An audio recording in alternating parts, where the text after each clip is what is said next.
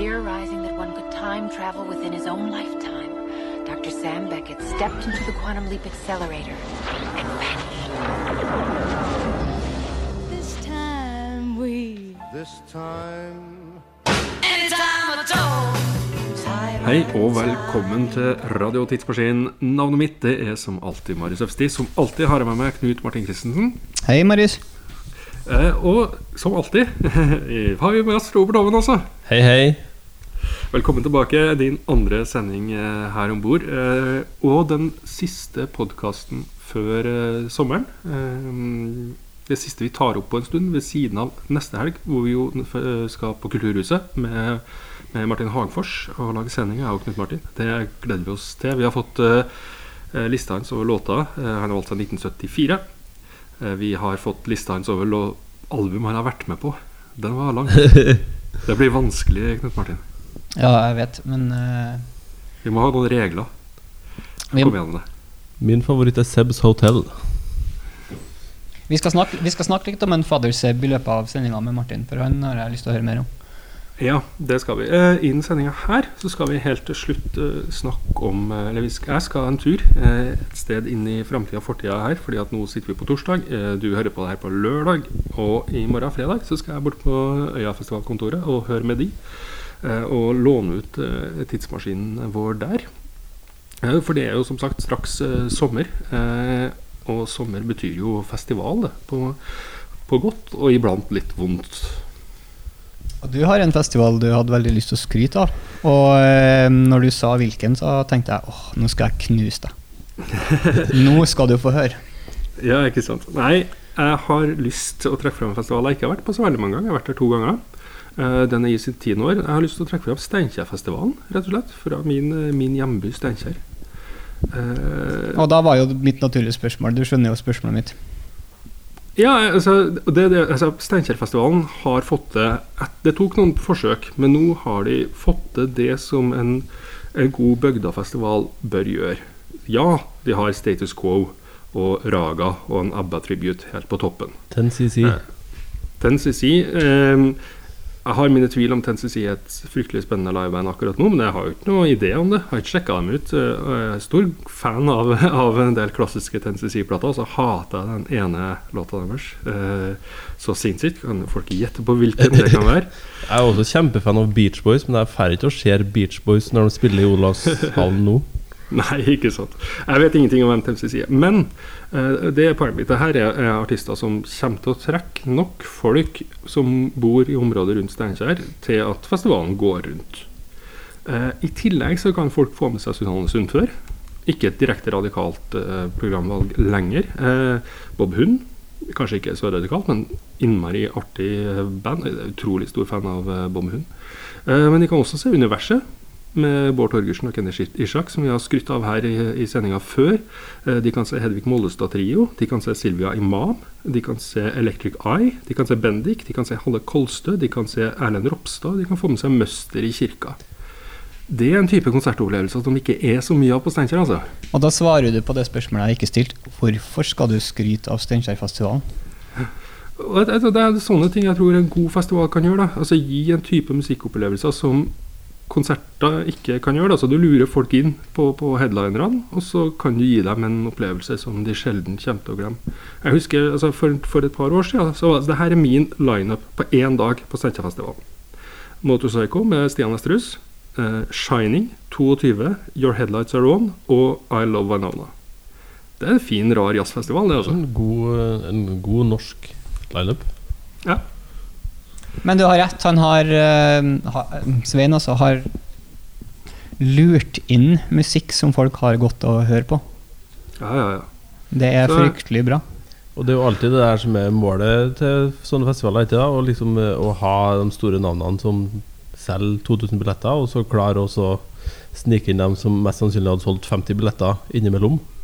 Ja, Det bør jo være målet, i hvert fall. Jeg tenker også En av de tingene som jeg er mest imponert over årets Øyafestival, er den der eh, Oslo Sinfonietta, eh, Steve Reich-konserten. Eh, Ja, det er fint. Så, Når de først annonserte den, så tenkte jeg at det er på operaen. Sånn som de hadde National i operaen, og litt sånn forskjellige finkulturelle ting plassert i periferien. Men den skal foregå midt på festivalområdet, midt, midt under festivalen. Så noen kommer til å få seg noen nydelige opplevelser der, altså.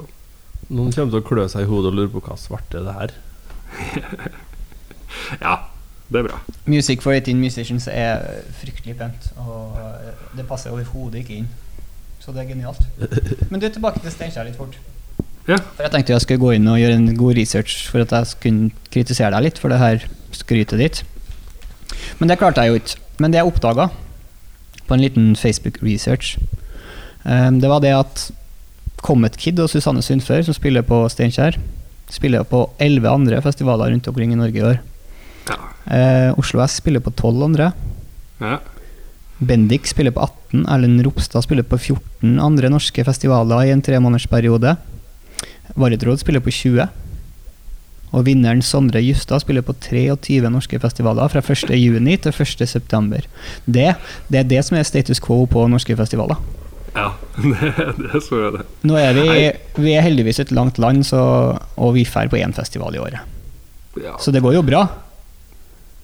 Men det, alle de bandene jeg nevnte nå, er gode norske band som har fått så mange jobber. Mm. Det er klart, eh, Festivalene er utrolig viktige for norske artister nå. Altså, eh, vi er gamle nok til å huske at det ikke var så himla mye festivaler rundt omkring i, i Norge. Og, og plata kom på høsten. Nå kommer jo platene på våren fordi at de, de skal fungere som, som festivalbooking. Du, er tilbake til Øya igjen. Ja, De har jo booka det her uh, Eagles of Death Metal. de har booka de der, ja. Og han Jesse Huge Han har jo vært ute og dumma seg litt ut. Og dermed blitt kasta ut av en del franske festivaler. De har bare kansellert eh, den bookinga, rett og slett. Um, da har han da sagt at eh, han hadde sett franske muslimer feire etter det terrorangrepet i Frankrike. Um, han har også sagt at det var en innsidejobb, og at muslimer fikk uh, beskjed på forhånd, sånn at de uh, kunne trekke ut av lokalet når det her skulle skje. Uh, det, det hjalp ikke han så mye, det. Nei, så det her hadde Jeg leste ikke hva han hadde sagt før, før det kom et, et motsvar som har eh, gått noen runder fra en eh, ung eh, fransk muslim, eller araber, husker ikke. Han var opptatt av å markere skiller sjøl, men jeg husker ikke om han var, var religiøs i den teksten. Det var første jeg leste, var hva denne Eagles og Death Metal-karen hadde sagt. da For Jeg hadde jeg hadde jo regnet meg som hva som vanlige dumme ting som, som enkelte musikere sier iblant, og tenkte at da for de av oss som kanskje er begeistra for Dave Mustaine da, som musiker, så er det lov å liksom eh, sette pris på når musikerne dine sier noe kult, og så har du lov til å ignorere det når de er teit. Eh, Men det her er vanskelig, og det er vanskelig, altså. Men, men samtidig, da, så eh, angående Eagles of Death Metal, så spilte jo de på Samfunnet i Trondheim for en par-tre år siden.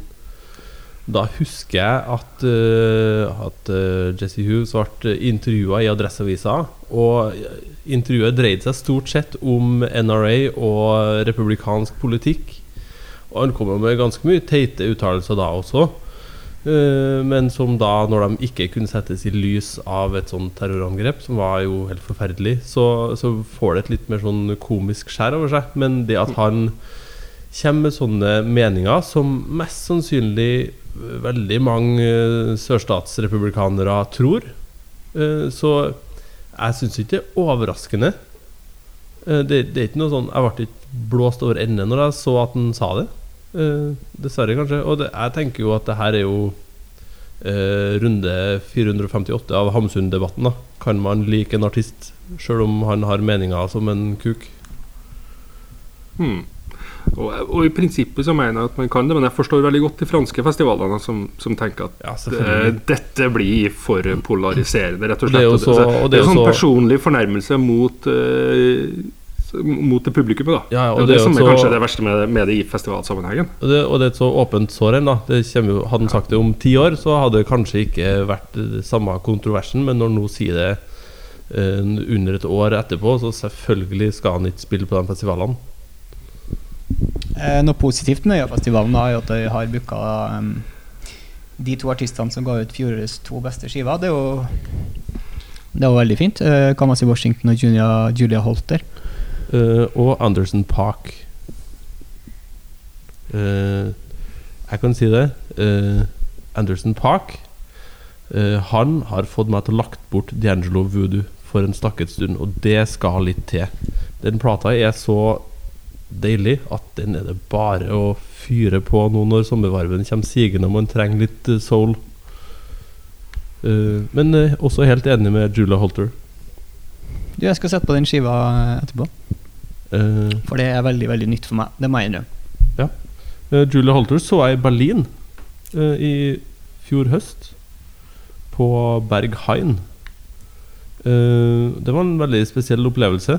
Eh, hun, hun er jo en liten vever dame med en veldig sånn spinkel eh, stemme.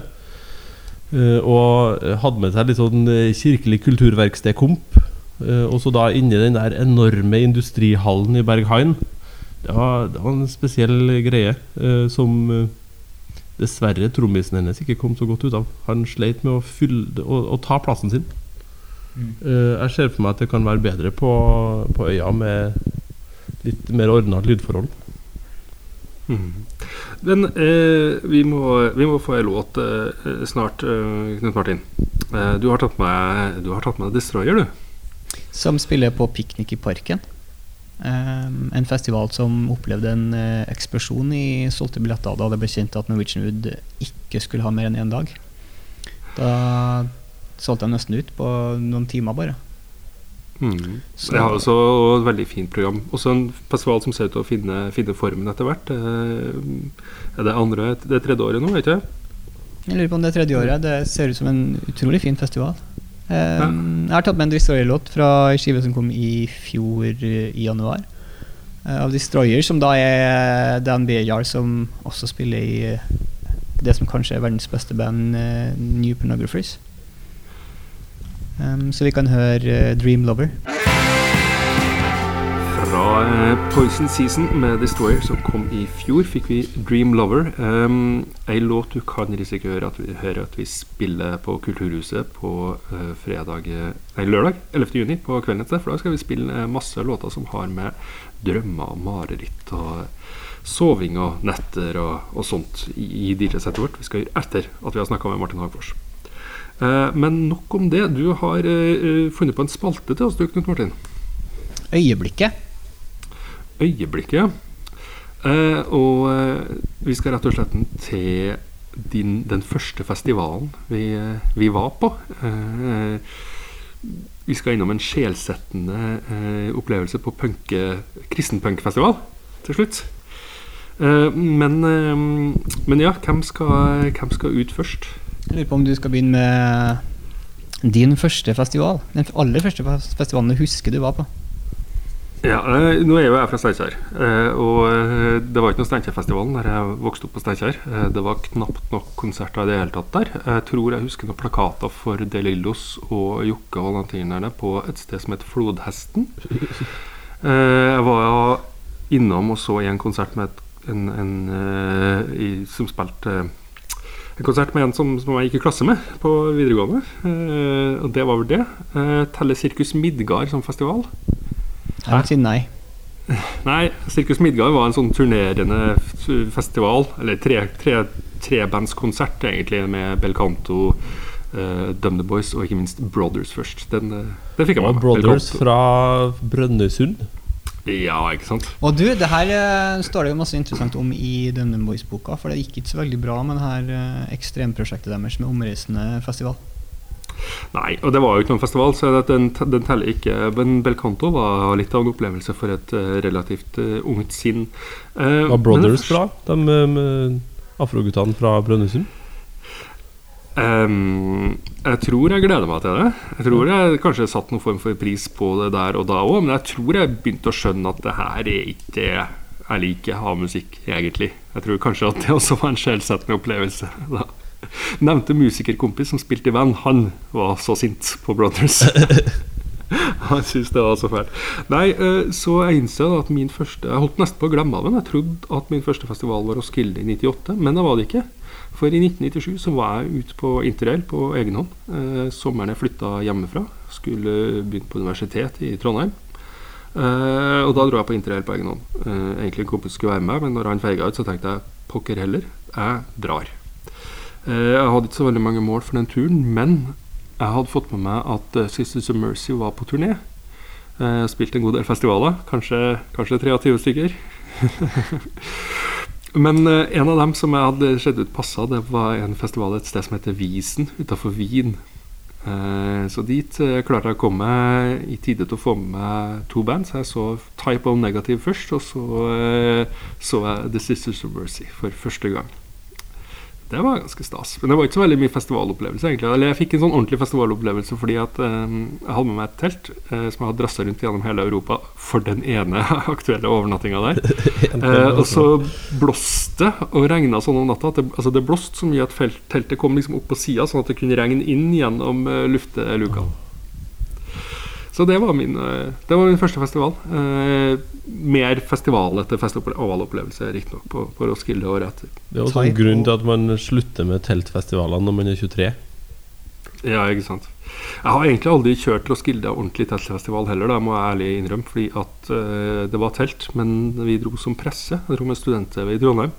Så vi, hadde, vi bodde på pressecampen, som jo da var en egen camp for all den der tullepressa, som, som eh, studenter var et eksempel på. Så vi hadde gressunderlag og varmt vann i dusjen og kjønnssegregerte dusjer og, og sånne ting. Og ingen som bråka mer på campen enn vi gjorde. Og sånn. Så det var Nå tror, nå, trivdes veldig bra. nå, tror jeg, nå tror jeg Robert skal si 'å, det er juks'.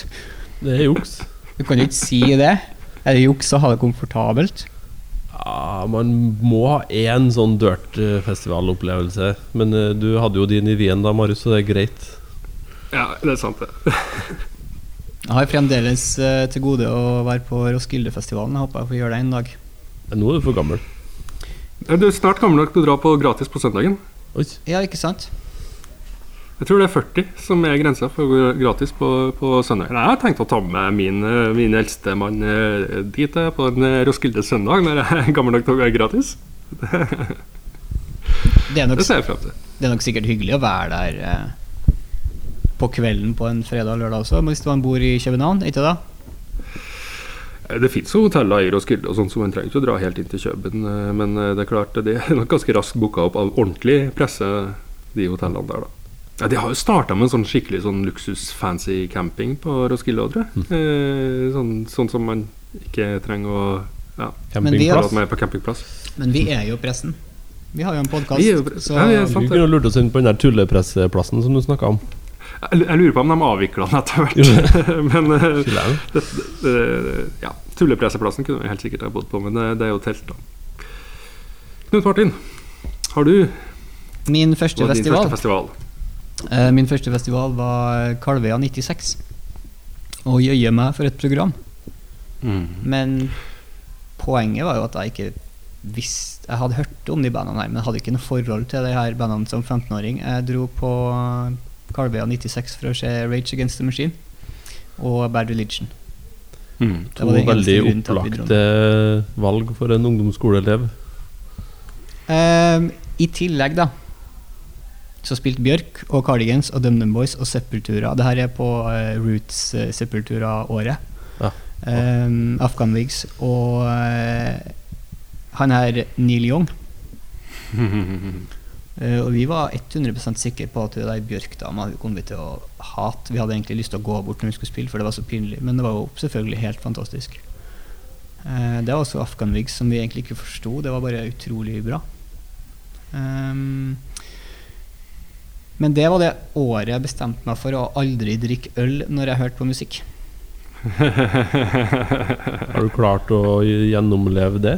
Ennå har jeg ikke drukket øl eh, på konsert eller festival, så mm, Jeg lurer er på om jeg sterkt. Ja, jeg vet. Jeg er ganske fornøyd med den. Eh, nei, men under Neil Young, da, som var headliner en dag, ehm, så satt vi eh, tre 15-årige guttene ved siden av en uh, guttegjeng på sånn 50 år. Hvor han ene, en ganske fulle mannen en halvtime før Neil Young uh, skulle gå på, har et kvarter foredrag om Neil Young til oss. Og det her går helt opp mot konsertstart, hvor han slutter samtalen, eller monologen, med Jeg er verdens største Neil Young-fan. Jeg har aldri sett den live. Jeg er 55 år gammel, og nå kommer han. Det går fem minutter til før Neil Young går på scenen, og vi snakker litt med hverandre. Og når Neil Young kommer på, så snur vi oss rett til han mannen her for å se hvordan han reagerer. Kommer han til å begynne å grine? Hvor glad er han? Da har han sovna i campingstolen sin. Det er fint. Og alle de gode vennene hans prøver jo å vekke han. Men han har jo sovna fordi han har drukket 19 øl. Så de får faktisk ikke liv i den. Og Neil Young spiller um, et normalt festivalsett på en time. Går av scenen. Og da våkner han mannen her. Og har ikke forstått at han har sovet. Så han fortsatt å glede seg til Neil Young. Så Neil Young kommer på for ekstranummer. Og fyren begynner nesten å grine. Han blir så glad han hopper.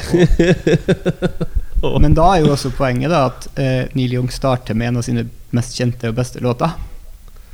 Og da blir han jo enda gladere. Det her blir tidenes konsert, tenker han. Spiller ferdig den låta og spiller den aller beste låta si. Og fyren er jo helt over seg. Og så går han av. Og så bare ser vi han blir mer og mer Hva, hva, er, som, hva er det som skjer? Er det noe som har skjedd? Og så kompisene, kompisene har liksom ikke sagt noe til ham, for de er litt redde nesten. Og bare manner seg opp. Du har sovet en time, konserten er ferdig. Å nei. Da begynte den 55 år gamle mannen å grine. Ja.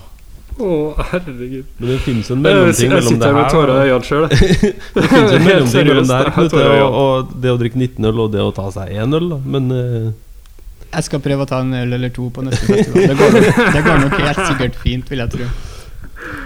Men vi, var, vi, var, vi hadde en utrolig fin festival, men vi var litt sjokkert over det her. At han kunne vente i eh, det som sikkert er 35 år, da. Og så han var sikkert litt nervøs. Da. Måtte sikkert drikke seg Over. For overtenning. Ja. Innbytterpuls. Det var ordentlig innbytterpuls Ja, ja, ja. på han stakkaren der. Jeg skulle ønske jeg kunne ha funnet mannen oh. og snakka litt med han i dag.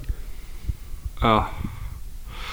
brutalt. Yes. Ja, nei, vi må ta litt, ta litt tid for for å komme mm, eh, komme. Vi, vi, eh, vi, vi tar en låt, vi faktisk. Vi bytter opp på programmet. Um, vi tar en låt av en mann som ikke spiller festival eh, i det hele tatt i år, eh, men som har gitt ut eh, ikke, Jeg tror ikke det er sin beste plate, men jeg tror kanskje det er to-tre av hans aller beste låter noensinne på den. eh, nemlig Trond Andreassen, som ga ut uh, en plate på norsk.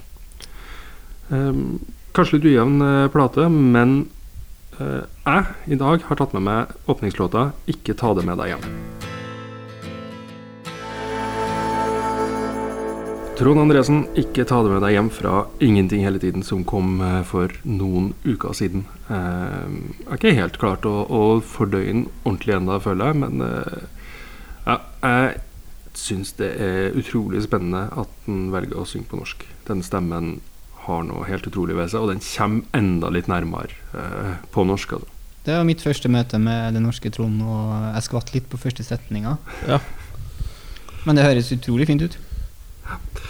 Nei, den, eh, den eh, skal vi eh, skal jeg høre mer på. Eh, men vi skal over på en festival som kanskje ikke er fullt prega av fulle Neil Young-fans. Robert. Eh, nei. Mitt aller første festivalminne Jeg må tenke meg også ganske godt om, men eh, eh, måtte, Vi må nå da tilbake til sommeren 2000. eh, da eh, Robert, 16 år, også fra Nord-Trøndelag, eh, heller ikke veldig erfaren i festivalverden på den tida, Uh, oppvokst i en, en, trygg kjernefamilie og, og sunget i barnekor og hele pakka, oppdager da den uh, kristne punkefestivalen, DP-festivalen.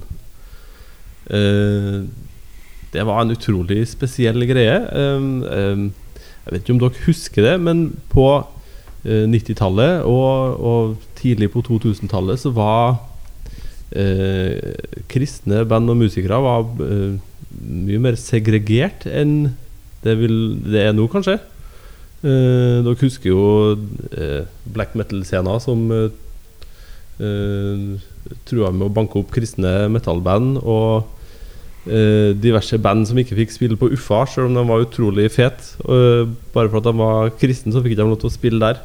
Eh, sånn at kristenscena ble en sånn eh, eh, veldig sånn intern eh, klikk, eh, hvor det meste var lov. Eh, og det her var en utrolig spesiell opplevelse for en 16-åring som bare oppdaga en helt ny verden. Eh, jeg så det som jeg tror må være den fortsatt er den beste konserten jeg har vært på hele mitt liv. Eh, Silver. Eh, det her er da to år før eh, Håkon Mosleth gir dem terningkast seks med overskrifta 'Silver er gull' i VG. Eh, to år før de vinner Zoom-finalen, og eh, fire-fem år før Angels Calling. De var fortsatt De var på denne tida verdens beste liveband. Var så Og da snakker vi altså da en skjellsettende opplevelse på uh, kristen punkefestival, som da var overskrifta mi. Eh, vi, det her var jo da en uh, skitten teltfestival som Knut Martin aldri har opplevd. Og det her var også på tida før internett, ikke sant? Vi, jeg måtte jo gå på hysj-hysj og kjøpe plater for 200 kroner hvis jeg skulle kjøpe meg CD-er. Og her var det da sånn eh, DIY punkestands hvor de solgte eh, hjemmebrente CD-er til 100 spenn. Og jeg husker at jeg, vi kjøpte oss de billigste grillpølsene som fantes. Det var Grillos. For å kunne kjøpe, kjøpe med oss så mye punke-CD-er som vi kunne hjem. Så jeg tror jeg brukte 2000 spenn på CD-er den helga. Og var Ja, den lykkeligste personen i verden. uh, den tror jeg Ja. Eh, Som sagt, Ah. skjellsettende opplevelse på kristen punkefestival. Jeg tror en, jeg tror en, en sosialantropolog ville ha kalt det å, å finne stammen sin. Var det jeg gjorde den sommeren. Du, det, er noe, det, det, er noe, det er noe vi aldri får igjen. Det er den utrolig gode opplevelsen med å kjøpe et album som du enda ikke har hørt på, og ikke kan høre på før du har enten tatt flyet hjem eller bussen hjem, eller sykla hjem og satt den på vinylspilleren eller i CD-spilleren. Det er en utrolig det å, det å god kjøpe og dårlig ja. sykkeltur hjem. Det å kjøpe ei plate bare for at coveret er fett, Åh, ja. Mm. der eh, har jeg funnet noen Men helt du, fantastiske et, gullkjøp. Ja, fortsatt. Jo, akkurat det kan man fortsatt gjøre, for det kan man jo gå på en annen hvilken som helst bruktsjappe og plukke da? opp uh, en plate med fettcover. Uh, jeg bare har lyst til å skyte inn Jeg tror jeg så Silver omtrent samtidig. Du Eh, I en helt annen setting. eh, fordi at det var mens jeg bodde i Oslo eh, første gang. Det vil si at det må ha vært i 99 eller i 2000, rett og slett. Eh, og da var det sånn big jump-konkurranse av noe slag i Kollen. Eh, der Terje Håkonsen hoppa skikkelig innmari høyt med snowboard.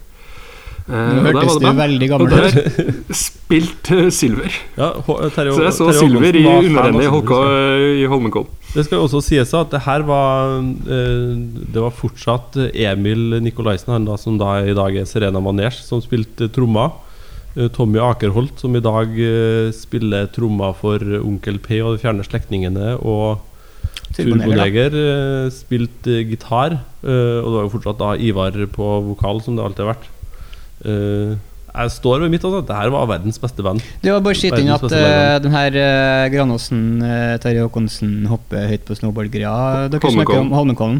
Det finnes faktisk et klipp på Kanskje det ligger ute på NRK. Enda. Det finnes i hvert fall et klipp i NRK sin arkiv som uh, er her for å filme snowboard-eventen, men som finner noen uh, kristenpunkere med svart hår sittende på den tribunen så, og, og, og setter kamera i ansiktet deres og spør eh, hva liker dere så godt med snowboard. da? Snowboard? Vi er her for å se Silver, vi. Ja, og, og, det var og du, som, å få noen du som så Silver, det her, du skjønner jo kanskje hvorfor de var akkurat det. Men du bare, bare Jeg tror kanskje ikke jeg skjønte, fordi at jeg hadde jo altså Jeg bodde i Oslo da jeg var Jeg hadde fått med meg at Silver var en hype i, i det miljøet jeg gikk i. Så for meg så ble det litt sånn Det var ikke så fett. eh, Liksom, det var jo utendørs, det var sol, det var mm, på formiddagen, det var sånn tre-fire låters sett. Sånn at for meg så ble det litt sånn Yeah. For å være helt ærlig. Men det hadde jeg ikke tenkt å si, for jeg syns vi avslutta med en fin uh, oppadstigende Ja, du kurve skulle ha vært med på sånn Etter, etter den triste Neil Young-historia til Knut Martin. Men eh, Robert, eh, det her er ikke en kritikk mot Silver i det hele tatt. Kanskje heller eh, din oppfatning av eh, livemusikk eh, på det her tidspunktet som 15-åring. Kan du nevne fem av de andre bandene som spilte på den festivalen? Å ja. Uh, Extol. Uh, Lionheart Brothers uh, spilte i en veldig tidlig utgave. Eh, og så eh, hadde man jo da sånne mindre kjente band som Poo the Pendrulian. Uh, Silence the Foe spilt. Uh, uh, Pantekrator var et sånn kristen black metal-band. Det var dårlig. Uh, Jeg husker veldig mange av de her bandene. Det var som sagt skjellsettende opplevelse. Hvor i verden var den? Det var eh, på en, en sånn åkerlapp uh, utafor Gardermoen, ute på landet, eh, i en Gjerdrum kommune. Ja, det mm, Vi begynner å nærme oss uh, slutten for i dag, men du har jo også selvfølgelig med deg ei låt, eh, Robert.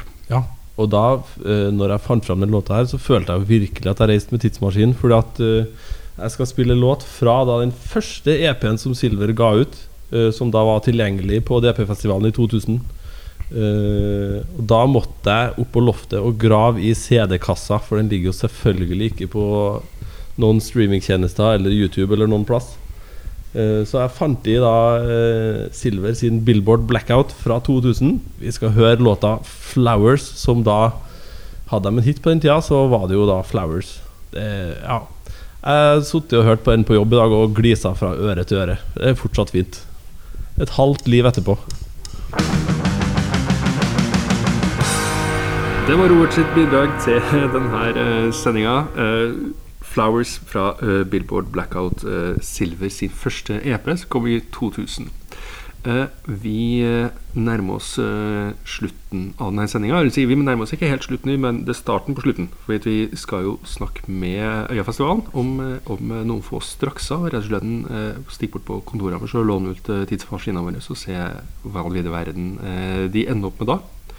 Eh, men vi må nevne at eh, hvis du hører på det her idet det blir sluppet, så eh, er det musikkens dag. Som betyr at hvis du er i en gjennomsnittlig fornuftig europeisk storby, så kan du løfte blikket og se ut og sjekke hva slags program du har rundt det. Hvis du er i Steinkjer, så kan du heller bare vente til festivalen starter. Ja, Men det er ikke så lenge til. Eh, hvis du har, eh, føler noe på et dilemma, skal jeg gå ut, skal jeg høre på Radio Tidsmaskin, så kan du laste ned Mixcloud-appen. Eh, så får du enkelt uh, streama det videre, for du har nok datatrafikk sjø, til at du kan gjøre det. Eh, vi skal nevne på nytt at vi om sju dager, neste lørdag, Ja. er live på Kulturhuset i Oslo. Det er vi. Da skal vi ha med oss Martin Hagfors som, eh, som gjest i studio først, og så skal vi gjøre et DJ-sett. Det tror vi blir veldig fint, rett og slett. Jeg gleder meg veldig. Jeg gruer meg litt, og kjenner fordi at oppgaven med å prøve å kondensere Martin Hagfors sin karriere ned til 40 minutter med musikk, Men der skal det raffineres. det skal raffineres. Altså. I hvert fall hvis vi skal ha med liksom både låtskriveren, produsenten, teknikeren holdt jeg på å si, og, og, og musikeren og sangeren og barnemusikanten og det hele tatt. Ingen regler. Ingen regler. Eh, Hva skal vi gjøre i sommer? Hva skal vi gjøre i sommer? Ja, eh, fordi at eh, eh, intervjuet med Martin blir det siste Eller sendinga med Martin blir det siste vi tar opp eh, før sommeren. Vi skal prøve å få det ut ganske kjapt med en gang etterpå, sånn at du kan regne med at da om eh, to uker så kan du høre den eh, sendinga på, på Radio Tidsmaskin. Eh, og så tar vi sommerferie, men det betyr jo ikke at det blir helt stille. Eh, vi skal legge ut eh, opptil flere DJ-sett i løpet av sommeren. Eh, Vi har eh, fortsatt i bagen etter Trondheim Calling vårt Go to California DJ-sett. Da starta vi med Motorpsycho sin eh, Go to California, og så spilte vi oss eh, bakover i tid og vestover i verden til vi endte opp i eh, California og 1967. Eh, og så blir det DJ-settet som vi tar opp nå om en uke på Kulturhuset. Eh, hvor vi da skal spille eh, drømmelåter, altså låta på et eller annet vis knytta til drøm og slikt. Så um, Har du en god låt om drømmer, fantasier, eh, LSD? Eh, fra 60-tallet så er vi veldig interessert i eh, å høre hva det kan Ja. være. Fordi Hvis du kommer til oss mens vi spiller eh, og ønsker deg en låt, så eh, forutsetter vi at vi har med oss låta. eh, At den matcher det tiåret vi er inne i akkurat nå, og handler om drøm på et eller annet vis. Det kan være litt sånn krevende oppgave egentlig det for, for et tilfeldig publikum. Men hvis du liksom poststempler det, sender inn på forhånd, lar oss få litt tid til å gjøre research, så er vi veldig medgjørlige. Altså. Jeg ser for meg at du står på Kulturhuset og forklarer han der Neil Young-typen som har drukket 19 øl, akkurat det der. Vi hadde en kar når vi hadde, hadde uh, film Første film Første Kosmorama-DJ-settet vårt. Så kom det en kar inn med, uh, og ønska seg Åge når vi var på 50-tallet. Uh, Så jeg nei, dessverre, du kan ikke få Åge Aleksandersen. Du kan få musikk som har vært med på film, og som er spilt inn på 50-tallet. Og så sa han, så han litt på meg, og så tenkte han, så sa han Jeg spiller nå Jerry Lee Lewis, da.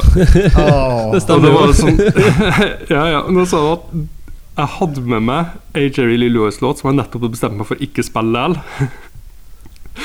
Så den fikk han, da. Ja, det er, det er Så det går an. Eh, Du må bare treffe på ordentlig. Så vi, men vi er veldig veldig glad i DJs låtønsker som kommer, eh, kommer på forhånd. Da skal vi skru tidsmaskinen vår eh, et lite stykke, og så skal vi gi ordet til i hvert fall Jonas Prangerød, tror jeg. Men kanskje jeg klarer hugtak til noen flere nede på kontoret til Øyafestivalen i morgen. Ja, da er jeg på kontoret til Øyafestivalen i, i Oslo, i strålende vær. Um, du påstår at det er travelt her, Jonas Prangerød. Eh, ja, en litt slapp dag i dag, men det, det dabber jo av mot helga her som på en del andre kontorer. Og så er det noen som er ute og reiser, bl.a. på festival i utlandet og sånn. Um, men, eh, men nå er det innspurt og deadline og masse eh, i forhold til program og, og natt og alt mulig. Er dere ferdig booka nå, eller kan vi vente flere overraskelser? Uh, hvert øyeblikk. Uh, altså, det er ganske mye som skal inn på, på, på klubber som ikke er klart. Altså. Og så lite grann i parken som ikke er klart. Men vi bør bli ferdig i løpet av ei uke eller to, tenker jeg. Ja, vi har jo eh, delt eh, våre første festivalopplevelser, festival, første festivalminner her, eh, her i Radio Tidsmaskinen i dag. Så jeg tenkte å kunne spørre deg også. Hva, hva var din første festival? Um, jeg, nok jeg var nok sånn tidligere i tenåra på noen sånne uh, lokale varianter. Bodde, bodde deler av oppveksten i Lier. Jeg husker jeg dro inn til Asker kino. For det var på Askerfestivalen, som var relativt amatørmessig opplegg med sikkert 20 band som spilte tre låter hver. eh, Og det var alt fra punk til Dissimilis eh, på én kveld. Eh, kaotisk, litt dårlig besøkt i det hele tatt. Sånn som, så, sånn som de mest amatørmessige lokalfestivalene skal være. Men sånn i, i stort format så var vel, så var vel Kalvøya i 93 eh, det store. Da hadde jeg ikke nok liksom vært i Spektrum noen ganger og, og sett eh, store band allerede. Um, men sommeren 93, da var jeg 17. um, og måtte få noen andre til å kjøpe øl for meg. Um, men da fikk jeg i hvert fall sett uh, Neil Young og, og Fate No More spilte det året. Det ryktes også, apropos andre festivaler som kanskje ikke var så innmari godt organisert, at du var den aller første billett, altså betalende gjest på Øyafestivalen i 1999. Noen påstår at jeg var den første. Jeg kan i hvert fall garantere at jeg var blant de 25 første, for det var ikke mer enn 25 betalende inne når Bronco Busters spilte på den første Øyafestivalen. Uh, fordi det regna helt forferdelig, og, og de 1000 eller et eller annet sånt som dukka opp til slutt, de venta til, til verste uværet var eh, over, tror jeg. Um, men det stemmer det, at, eh, at jeg var en av, de, en av de aller første som var inne på en Øyafestival. Eh, Jeg var frivillig på den festivalen, eh, og ble etter en kort periode i, liksom, i inngangspartiet eh, overført til billettsalget. Og etter en liten stund forlatt alene med kassen. Som, Ja, det er, det er flere, det, Jeg tror det er flere ting man ten, ikke tenker på når man skal arrangere sin første festival, samme hvor ambisiøs man er. Blant annet så hadde man vel glemt å ha noe adgangstegn, så den kjettingen som ble brukt som armbånd, den ble kjøpt inn samme dag, tror jeg, fordi man kom på at hvordan skiller vi de som har betalt, fra de som ikke har betalt. og siden det var 90-tallet, så var trykket på frivillig-T-skjortene på ryggen. Så man måtte snu seg rundt for å, for å vise av. Jeg husker at vi hadde merka break-even-billetten, eh, men, eh, men den ble jo dessverre aldri solgt. Nei, det tok, eh, det tok en flytting til, eh, til Middelalderparken og eh, til og med én festival der først òg, før, før man gikk i pluss. Så det er vel 2002 som, som var det første som kunne regnes som en, som en ordentlig suksess, hvor man var utsolgt på, på forhånd. Ja, eh, Men ja, du, eh, du er jo her for å reise i tidsmaskinen. Du er jo, vår, du er jo eh, du er den første her som er gjest to ganger. Eh, Vi shanghaia deg jo på, på Trondheim Calling, men da fikk du aldri lånt tidsmaskinen vår, så det er på, på høy tid egentlig at du får tatt deg en tur. Så mm, første spørsmålet er jo som alltid Du får lov til å reise hvor som helst for å se en konsert eller da, en annen musikkbegivenhet. Hvor drar du? Um, eh, jeg har tenkt bitte litt på det, og så kom jeg på at, um, at um, mange, mange av de, de store, eh, liksom sånn historisk viktige festivalene der er Woodstock eller Isle of White eller hva det eh, nå er for noe, nok var annerledes enn de er i dag. Altså den der komforten har nok blitt viktig de siste 20-25 årene på, på internasjonale festivaler. Eh, Men jeg tenkte allikevel at, at jeg må jo tilbake til noe som jeg aldri kunne ha opplevd. Um, altså før jeg ble født. Og ca. seks år før jeg ble født, så ble det arrangert uh, noe som heter, het eh, Toronto Rock'n'Roll Revival. Uh, det het Rock'n'Roll Revival fordi at man hadde henta opp Chuck Berry og en del sånne som, som um, egentlig ikke var det ungdommen hørte mest på akkurat da, men um, også var John Lennon spilte um, litt sånn. Men grunnen til at det øh, hadde vært artig, uh, er at uh, jeg har et veldig oppheng i det originale um, Alice Cooper-bandet, som eksisterte frem til midten av, midten av 70-tallet, som var et band og ikke bare artisten. Og denne festivalen jo, var jo en festival som kanskje ikke de hørte sånn veldig naturlig hjemme på, men spilte i hvert fall tidlig i programmet, tror jeg. Um, og det er der denne myten om å drepe kyllinger på scenen kommer fra. Um, og sjøl når medlemmer av bandet forteller om det, så er det noen gap i hvordan de forteller historien. Um, det som er klart, er at de ikke hadde med seg en kylling for å drepe den på scenen. Men noen av dem påstår at en eller annen hadde en kylling. Flere av dem har vel påstått at kyllingen blir kasta fra publikum opp på scenen. Um, men det det er sånn relativt uh, enighet om, er at de ikke skjønte hva de skulle gjøre med en kylling, så kasta han tilbake til publikum, og det er jo publikum som um, behandla kyllingen relativt, eller høna, kan man kanskje se ganske stor ut på de bildene jeg har sett. Um, behandla den såpass brutalt at den, den bøta med livet. Um, så for hvert der og, danne sitt eget inntrykk av hvor det går gærent. Um, artisten Alice Cooper selv har liksom lagt til det elementet, særlig de, i noen av de siste intervjuene jeg har sett om det her, at, uh, at de som reiv kyllingen fra hverandre uh, på um, var jo de som satt på første rad, og der satt bl.a. rullestolbrukere og folk som hadde ledsager og, og, og publikum med litt spesielle behov. For bare for å gjøre historien litt mer bisarr, tror jeg, da, men, men det er no, noe sånn han forteller nå. Um, I tillegg så hadde jeg da fått oppleve en veldig tidlig utgave av, av Alice Cooper-bandet. Um, et par år før de, før de um, slo igjennom, for den festivalen var i 69. Og de solgte ikke mange skivene før 71. Eh, Har, så dette, det er jo ikke det er jo ikke den eneste historie eneste historia om dyr som blir kasta på, på scenen til en metal-band med, med uheldig endelikt. Eh, det, hvordan er sjekker dere for dyr på vei inn til festivalen? Nei, um, det nærmeste vi kommer er vel to opptredener med, med Mayhem, men eh, det, de har jo da ønska seg kun uh, deler av allerede døde dyr. Um, grisehoder, i hvert fall nå sist. eh, De spilte for to år siden.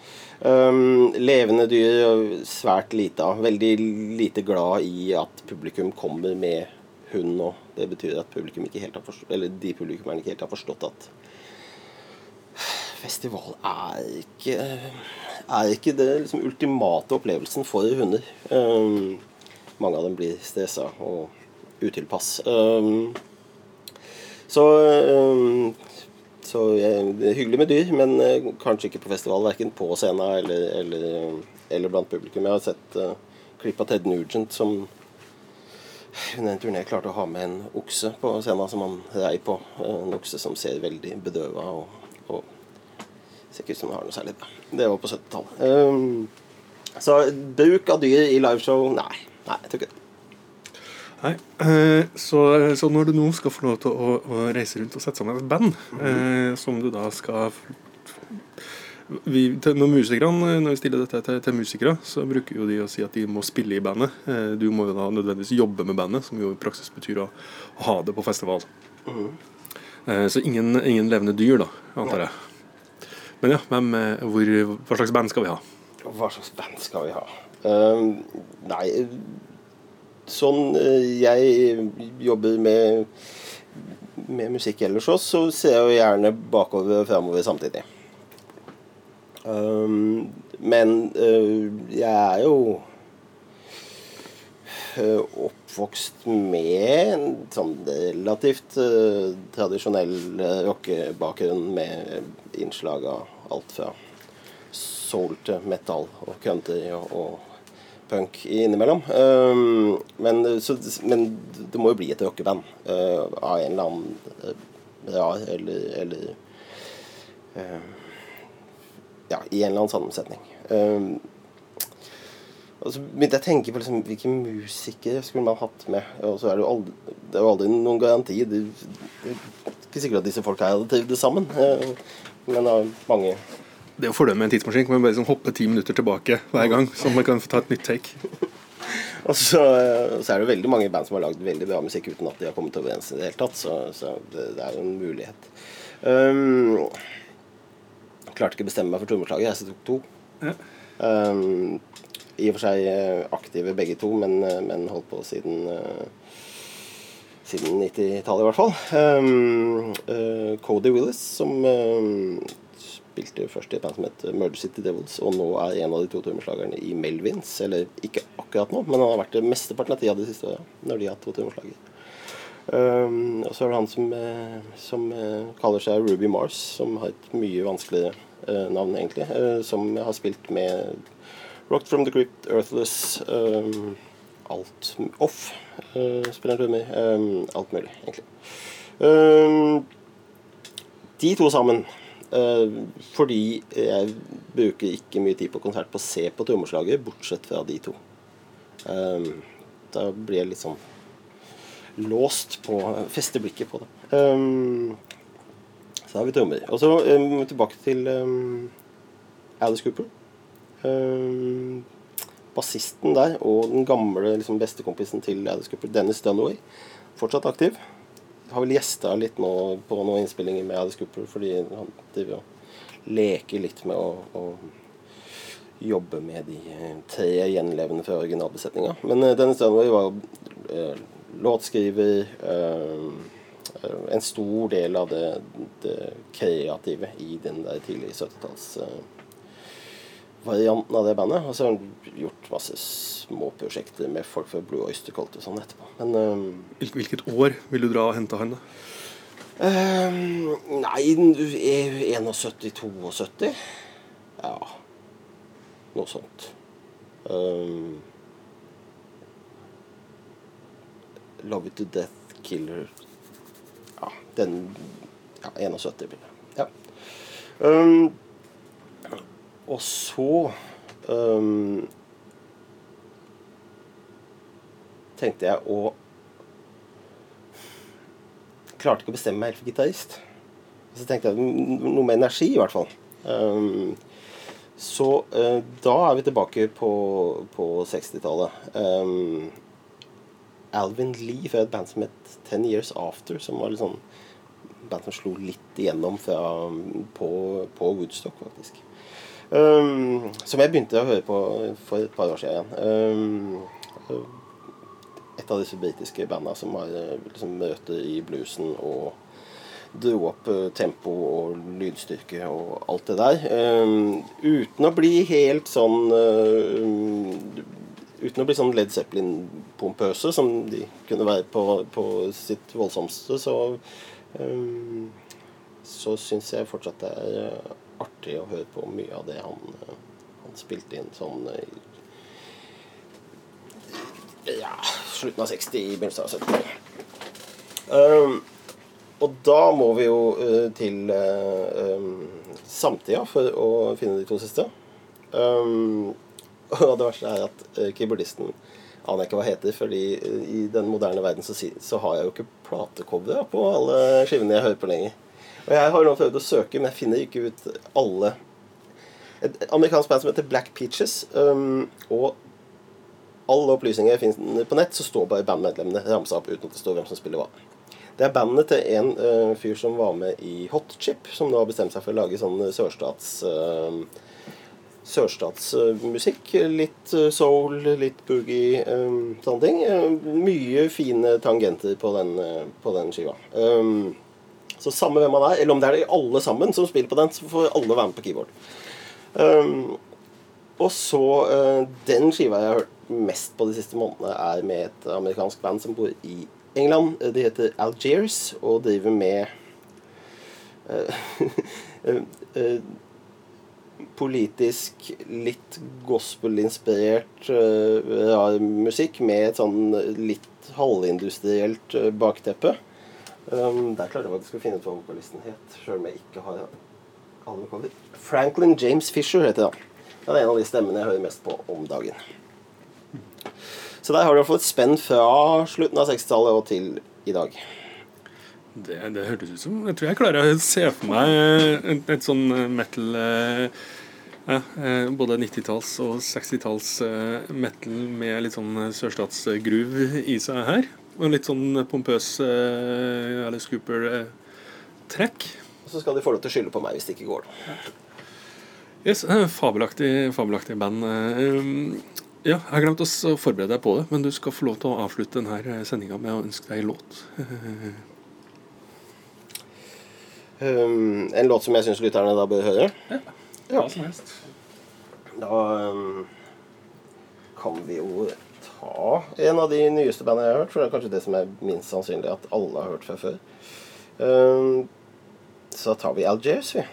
Um, med låta 'Irony Utility Pretext'.